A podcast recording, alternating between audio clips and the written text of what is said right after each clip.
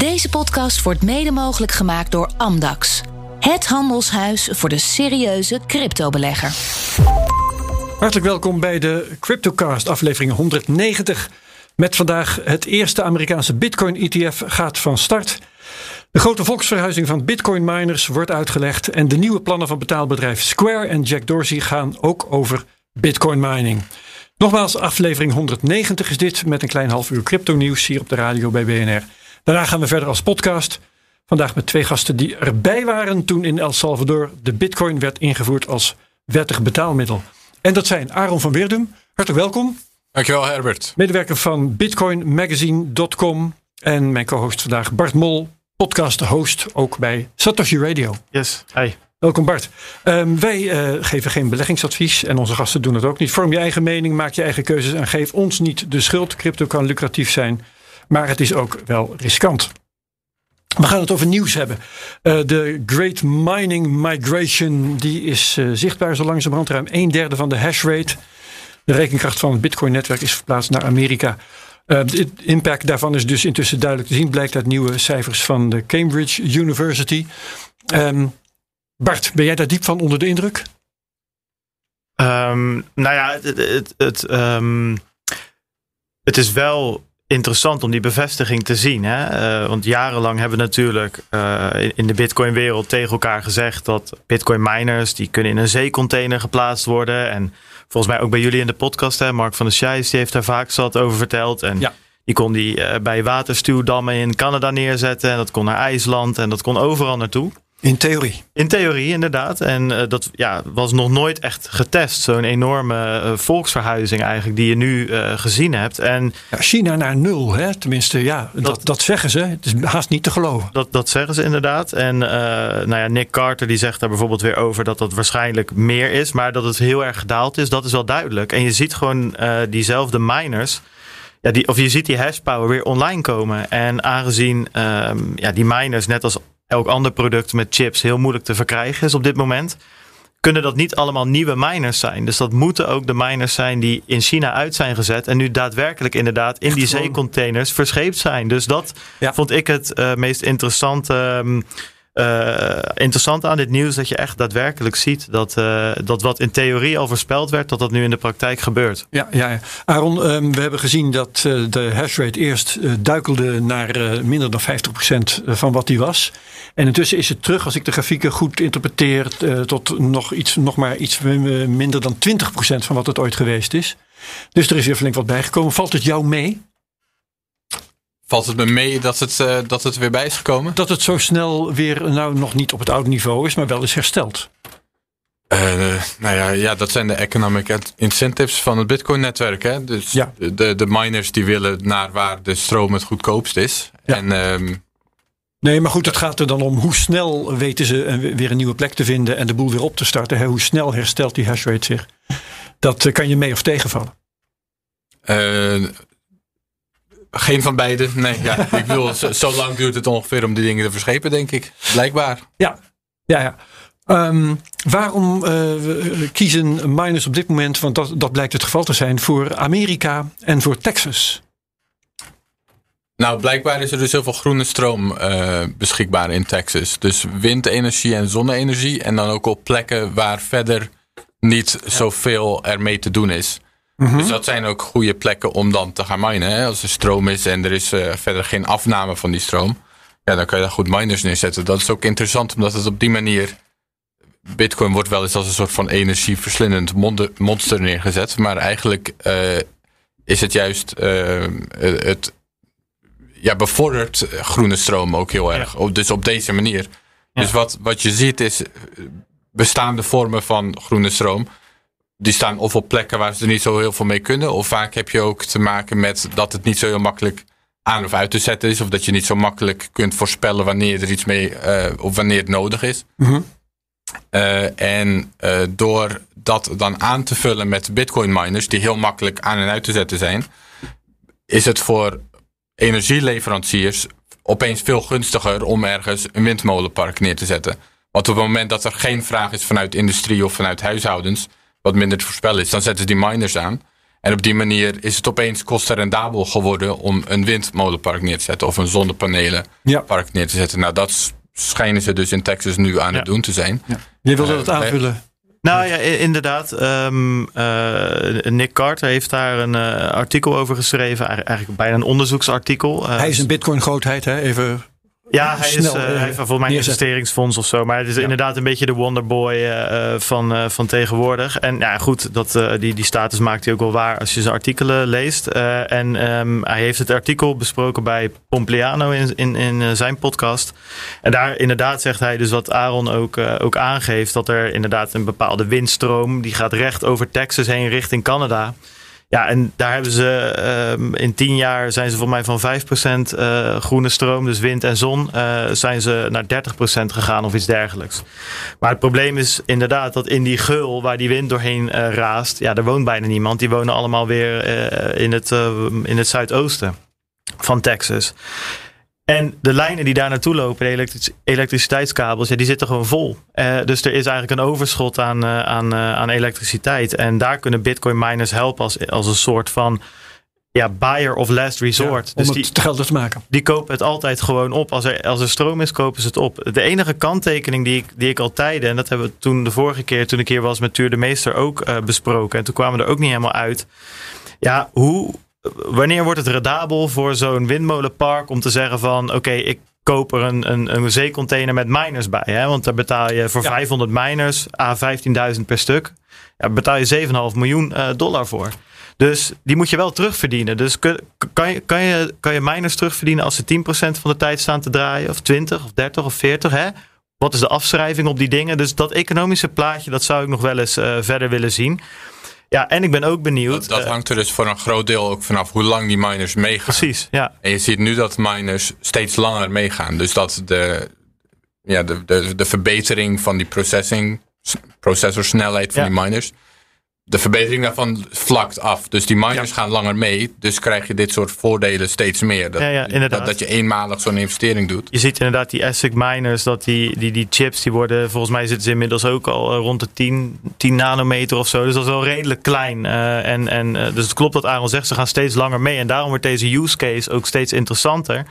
Maar toch vind ik het iets wat nog niet echt eh, besproken wordt. Er wordt heel erg makkelijk gezegd, je kan ze aan en uitzetten met, met de push of the button. En dat klopt ook. Alleen ja, hoe lang kan je ze uit laten staan? Hoe lang kan je ze Ja, aan het laten is wel een staan? kwestie van rendement. Ja, daar ben ik nog wel Ja. benieuwd naar. Maar misschien staat deze onderzoeksrapport, dus ik ga daar verder in duiken. Ik vond het een erg interessante Oké. podcast in ieder geval. Ja, Ehm, verder eh, hebben we ons lang zorgen gemaakt over de concentratie van mining in China. Hè. Dat gaf China onevenredig veel macht. En eh, nou, nu eh, krijgen we daarvoor in de plaats een zekere, nog niet zo ernstig als die in China was, maar toch een zekere centralisatie in de Verenigde Staten. 35% van de mining power staat nu in de Verenigde Staten. Moeten we ons daar zor- zorgen over maken, Bart? Nou ja, minder ehm, de- als in China. Ja, Eh, omdat wij Amerika aardiger vinden. Nou, Of om een andere ook, reden. maar ook omdat het gewoon minder geconcentreerd is. China had op een Mhm. gegeven moment 65, 70 procent eh, Ja. volgens mij. En, en nu hebben we het over ja, 20, 25 of iets dergelijks. Eh, en misschien dat dat nog wat, wat meer zal worden de komende, eh, komende tijd. Ehm, maar je ziet ook dat volgens mij Canada eh, doet er aardig in mee. Zelfs Duitsland zag ik opeens zichtbaar op, op die Cambridge-kaart. Kazachstan. Kazachstan, inderdaad. Ehm, dus er waren een aantal andere partijen die daar ook wel mee profiteerden van de, wat, wat, wat China laat liggen op dit moment. Of, of weg heeft gedaan.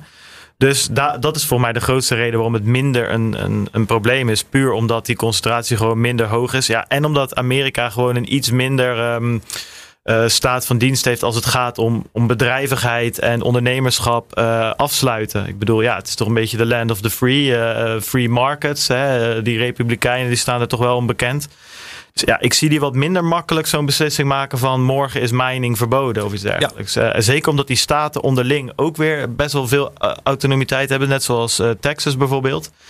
Ja, goed, dus dat, eh, dat, dat schat ik toch allemaal wat minder risicovol in eh, als, een, als een China.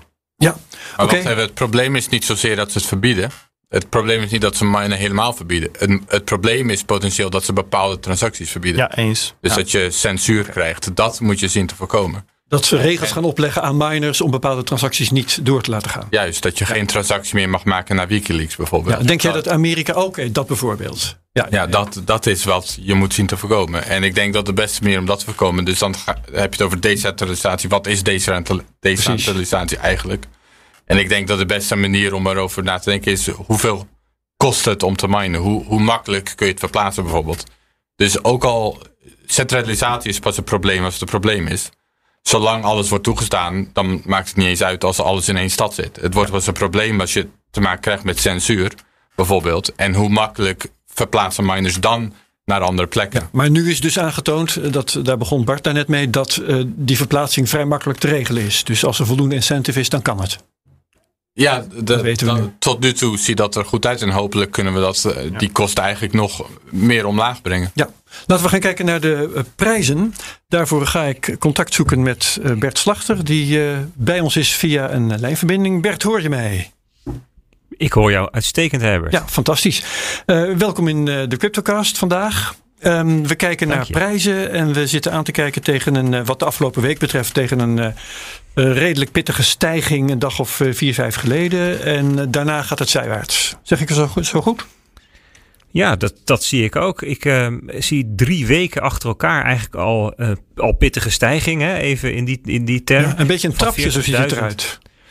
Ja, het gaat altijd inderdaad een beetje met horten en stoten. Maar wel van 40.000 naar bijna 63.000 dollar. Dus dat is wel stevig te noemen. Um, drie hele grote groene weken achter elkaar. Nu inderdaad een paar dagjes zijwaarts. Ja, en dan zeggen we van um, we hikken aan tegen die all-time high. Hè? Nou ja, we, we, zagen al de hoogste weeksluiting ooit. Um, en dat is relevant voor mensen die naar zeg maar, de weekkaart kijken. Dus van ja, veel grote En een all-time high in Japanse yens heb ik gehoord. Nou, precies. Kijk, en dat, daar wilde ik even heen. Kijk, wat is nou eigenlijk een all-time high? Hè? Dat is eigenlijk ook wel weer een soort proces. Misschien herinner je vorig jaar nog, in, uh, in november, december, dat er ook een soort van wereldwijde verwarring was over zijn we er nou al of mhm. niet? Hè, er gingen er lijstjes rond van um, per exchange wat dan daar de all-time high was. En dat komt ook een beetje omdat all-time highs, hè, of eigenlijk toppen, die, die verlopen over het algemeen een beetje um, wild. Dus daar, daar, dat, dat, zeker in 2017 was dat zo. Dat ging natuurlijk alle kanten op met die koers. Het was op de hoogtepunt van de hype. Veel speculatie, veel hefboomhandel. Ja, en dan zit er maar zo'n paar honderd uh, dollar tussen verschillende exchanges. Nou, dat zie je nu ook. En um, dus, dus ja, daar, jij stelde ook de vraag op Twitter van de week, Herbert. Ja. wanneer, uh, welk getal hanteer jij? Dus ik hanteer zelf maar gewoon 65.000 ja. dollar. Dan en weet ik kreeg nog drie andere getallen ergens tussen de 4 en 65.000. Precies, maar het is dus ook heel interessant om eens te kijken naar andere valuta. Hè? Want in Japan, Precies, ja. Maar ook, ook in de Zuid-Koreaanse won en in het Turkse lira bijvoorbeeld, daar zijn al all-time highs neergezet. Ja. En, en, de euro uh, zit er heel dichtbij. Robert Reinder Nederhoed van Bit My Money, die zei van in euro's nu ook. En toen uh, Terwijl uh, Madelon Vos, we kennen er allemaal nog, iets twitterde tegelijkertijd van het, het is nog maar 1000 euro ervan af. en dat bleef ja. verschil, bleek te zitten in of je keek naar de dagsluiting of het hoogste punt van de dag, op de dag van het all-time ja, high. Maar zelfs de, het hoogste punt uh, van de dag is, uh, ja, verschilt het weer per exchange of die dan net wel of net niet is.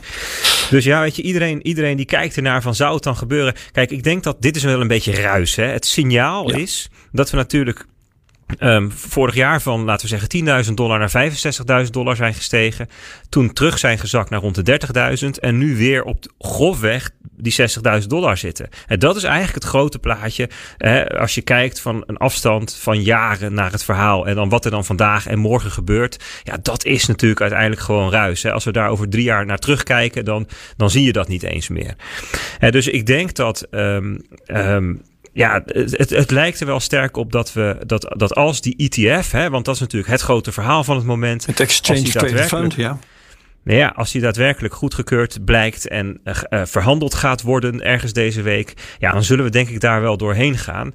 En, dat, dat, en een aanwijzing daarvoor is ook dat slecht nieuws nu eigenlijk weinig meer doet met de koers. He, dus uh, was bijvoorbeeld van de week eh, werd er dan gesuggereerd dat de, de, um, de New York Attorney General, die, ging, die zou achter verschillende crypto-lending platforms aangaan. Nexo en Celsius werden genoemd. Nou, het, mm -hmm. Weet je, het is allemaal nog een beetje vaag. Maar Want die bieden securities en moeten dus onder allerlei regulering vallen. Is in dat geval het verhaal. Exact. dus ja, Dit, dit verwijst dan naar Coinbase bijvoorbeeld. Hè. Die had dan gezegd, we willen een landingproduct aanbieden. En daarvan zei de SEC, dat kan niet. Nou, ja. Eh, het punt is meer, mijn punt is meer dat in, in een situatie van zwakte in de markt zou dit voor, voor enorm veel paniek hebben gezorgd. En nu doet het helemaal niets.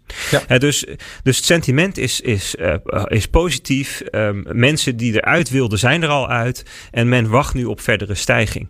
Dus ja, die, die, veel zinvollers kunnen we er denk ik nu niet over zeggen. Behalve dat we dus gaan afwachten hoe dat met die F verder, eh, de ETF uitpakt. Ja, precies. En uh, um, de invloed daarvan op de koersen. Uh, laten we het over de ETF dan even nu gaan hebben. nou, ik zal maar zeggen in het kader van ons volgende nieuwtje. Maar blijf er wel even bij als je wilt. Want uh, ja. dan kunnen we daar wat, nog wat meer uh, meningen over uh, tegen het licht houden. Eerst even Aaron, verwacht jij van zo'n ETF een belangrijke koersstijging als hij zo direct van start gaat? Uh, dat zou je haast wel verwachten, ja. Ik denk wel dat er veel kapitaal is dat toch op die manier in bitcoin wil stappen, ja. Ja, en jij Bart? Mm, ik weet het niet. Ik, uh, Want er, er, wordt al vier jaar wordt er over ge, gesteggeld. Nou ja, kijk, dat is voor mij het belangrijkste signaal in, in, in dit hele verhaal. Is dat het nu eindelijk de SEC overstag is. En blijkbaar eindelijk Bitcoin volwassen genoeg vindt. En de bedrijven daaromheen volwassen genoeg vindt. En de regulatie daaromheen ver genoeg is om dit toe te laten. Daar zit hem het voor mij in. Uh, nou moet ik wel. Geesten zijn rijp. Ja, dat, ik, ik ben niet heel enthousiast over zo'n uh, eh, ETF op basis van futures. Dat is een, voor mij klinkt dat een beetje als het stapelen van papieren producten op papieren producten op papieren producten. Uh, die andere ETF's die op de rol staan, waar daadwerkelijk Bitcoin gewoon direct aangekocht wordt als onderpand, vind ik interessanter. En ja, goed, die je dan aandelen koopt. Precies, die deur die staat nu wel uh, nou ja, op een flinke kier in plaats van dicht. Kun jij mij uitleggen um, hoe dat zit met die futures? Want ik begrijp, ik heb vorige uh, week zei ik er ook iets over tegen Bert. Um, en toen hebben we gewoon uh, geïdentificeerd dat het een uh, eh, ETF op basis van futures zou worden. Maar ik, ik snap het niet, zal ik je eerlijk zeggen. Want uh, een ETF in bitcoins, dat snap ik. het fonds koopt bitcoins en ik koop aandelen in het fonds. Simpel. Als het een ETF is op basis van een of andere index, dan koopt de ETF aandelen in de bedrijven die in die index zitten. En uh, daar koop ik dan weer aandelen in. Nou, ook simpel. Maar futures hebben een uh, afloopdatum en ze hebben een uh, afrekenprijs. En um, ik snap niet wat een ETF in futures precies doet. Weet jij dat?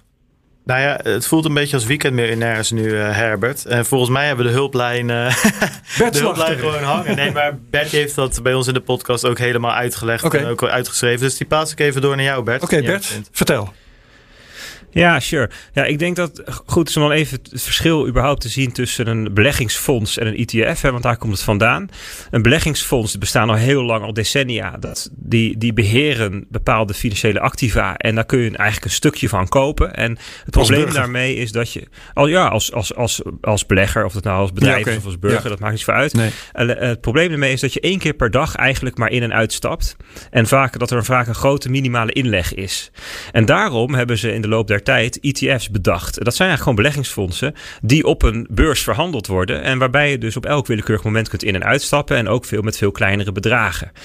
Um, en zo'n fonds die bezit dus activa. Dat kan zijn fysiek goud, dat kan zijn een mandje aandelen, dat kan zijn oliefutures. Dat zijn allerlei soorten activa kan, kan zo'n fonds bezitten. En die, die, die, die, die activa die hebben bij elkaar een waarde.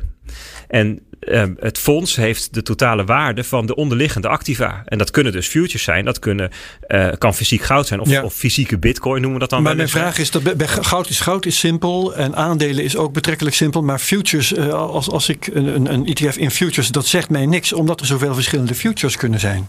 Wie maakt die keuzes? Ja, die futures hebben, die hebben dus ook een waarde. En dus, ja. dus bezit je die, die, die futures. Kijk, wat zij dus doen is futures aankopen. Als jij, da, hè, als jij instapt, dan zullen futures aankopen. Als je uitstapt, zullen ze die verkopen. En het doel daarvan is dat um, zo'n ETF de prijs van Bitcoin volgt. Dat, dat is wat ze ermee proberen te bewerkstelligen. En een future, een Bitcoin future, die volgt de Bitcoin prijs redelijk nauwkeurig. Alleen er zitten wat verschillen tussen de future prijs en de spotprijs. En die verschillen die worden door allerlei dingen veroorzaakt. Onder andere vraag en aanbod, onder andere toekomstverwachting, onder andere de kosten uh, om, om, om bitcoins te bewaren bijvoorbeeld. Um, uh, het financieren hè, van, van de tussenliggende periode. En zo, zo ontstaat er een verschil tussen um, de future en datgene wat er op een bepaalde datum in de toekomst geleverd gaat worden. Want dat is wat een future contract is. Dat is eigenlijk een, een verplichting om in de toekomst een bepaald product te leveren of af te nemen. In dit geval een bitcoin. Ja. Um, en en die futures die volgen de prijs dus aardig. En dus volgt de ETF de prijs ook aardig. En dat is eigenlijk wat het doet. Zo, een zo goed mogelijk uh, een instrument uh, op de markt te zetten die zo goed mogelijk de, de prijs van het onderliggende, in dit geval Bitcoin, volgt. En waarom zou dit nou de koers van de bitcoin uh, opdrijven? Want dat is wat iedereen verwacht, daarom gebeurt het ook. Uh, maar waarom zou de vraag naar bitcoin vergroten? Ja, dus wat er dan gebeurt is dat, die, uh, dat zo'n ETF, zo'n fonds, die koopt de futures. En de futures stijgen daardoor in, in, in prijs, in koers, hè, omdat er vraag is. En dat betekent dat er een groter verschil ontstaat, een toenemend verschil tussen de futuresprijs en de huidige spotprijs. En er zijn dan uh, professionele investeerders die, uh, die kunnen met arbitrage dat verschil weer wegwerken. Namelijk profiteren van dat verschil tussen de futuresprijs en de spotprijs. Daar maken ze winst mee. En dat doen ze door um, de, de spot bitcoin te kopen en de, de future te verkopen. Daardoor daalt die prijs van die future weer uh, die gaat weer naar beneden. En tegelijkertijd stijgt de, de koers van Bitcoin. Ja. Dus dus, de, dus, dus de, de, de, de fondsen die kopen de futures. En arbitrageurs die zorgen dat, zeg maar, dat ook uiteindelijk terechtkomt in de spotprijs. Ja. Oké, uh, daar moeten we het wat dit onderwerp bij laten. Dankjewel Bert. Um, want, uh, en overigens meer van wat jij uh, te vertellen hebt als analist bij Bitcoin Alpha. De digitale nieuwsbrief is op bitcoinalpha.nl te vinden. Dan heb ik dat meteen ook vermeld. Um, want ik moet nog snel even met Bart Mol en Aaron van Weerden het over El Salvador, El Salvador hebben. Waar de podcast straks over gaat. Jullie zijn daar geweest. Bart, vertel eens, waarom ben jij naar El Salvador gegaan? Überhaupt? Um, nou, eerst nog één klein dingetje. Uh, het is niet alleen een, een, nieuwsbrief. De jongens hebben ook een boek geschreven. En als je nou dit, wat Bert nu vertelt over futures en alles wat met geld te maken heeft, uh, wil lezen. Het heet Ons Geld is Stuk. Dat zou ik zeker even, even We hebben bekijken. ze uitgenodigd voor volgende week. Nou, dus, dat, dan, komen, dan komen ze het helemaal nog verder vertellen. Maar ik heb hem gelezen en het is echt een... Snel nog even om de luisteraars mee te krijgen naar de podcast. Wat uh, ik, zocht jij in El Salvador? Eh, ja, op aanraden van Aaron de lokale McDonald's. Uh, dus uh, we, hebben daar, nou ja, we hebben daar koffie gekocht zonder transactiekosten te betalen. Gebruikmakend van onze eigen nood in Nederland. Nou, als dat geen cliffhanger is, Herbert, dan weet ik het ook ja, niet meer. Ja, ja. Aaron, aan jou heb ik de vraag. Wat verwacht jij van de invloed van bitcoin als legaal betaalmiddel op de economie van het land? korte termijn, lange termijn? Doe het lange termijn. Uh, lange termijn zou het uh, land minder afhankelijk kunnen worden van de dollar en van het IMF. Ja, Oké, okay. nou over dat soort dingen gaan we het straks uitvoerig hebben in de podcast. Uh, dit gaat ons heel veel nieuwe luisteraars opleveren die uh, meegaan naar die podcast zo direct. En wat de Cryptocast op BNR betreft laten we het hierbij. Bedankt gasten Aaron van Weerdum van bitcoinmagazine.nl, Bart Mol van Satoshi Radio en yes. ook van de digitale nieuwsbrief Bitcoin Alpha trouwens. ook allemaal. Ja, allemaal. Alles gaat door. We zetten het gesprek voort in die podcast. Wie meegaat tot straks, wie afhaakt. Bedankt en heel graag tot de volgende week bij de Cryptocast op BNR. Dag. Deze podcast wordt mede mogelijk gemaakt door Amdax. Het handelshuis voor de serieuze cryptobelegger.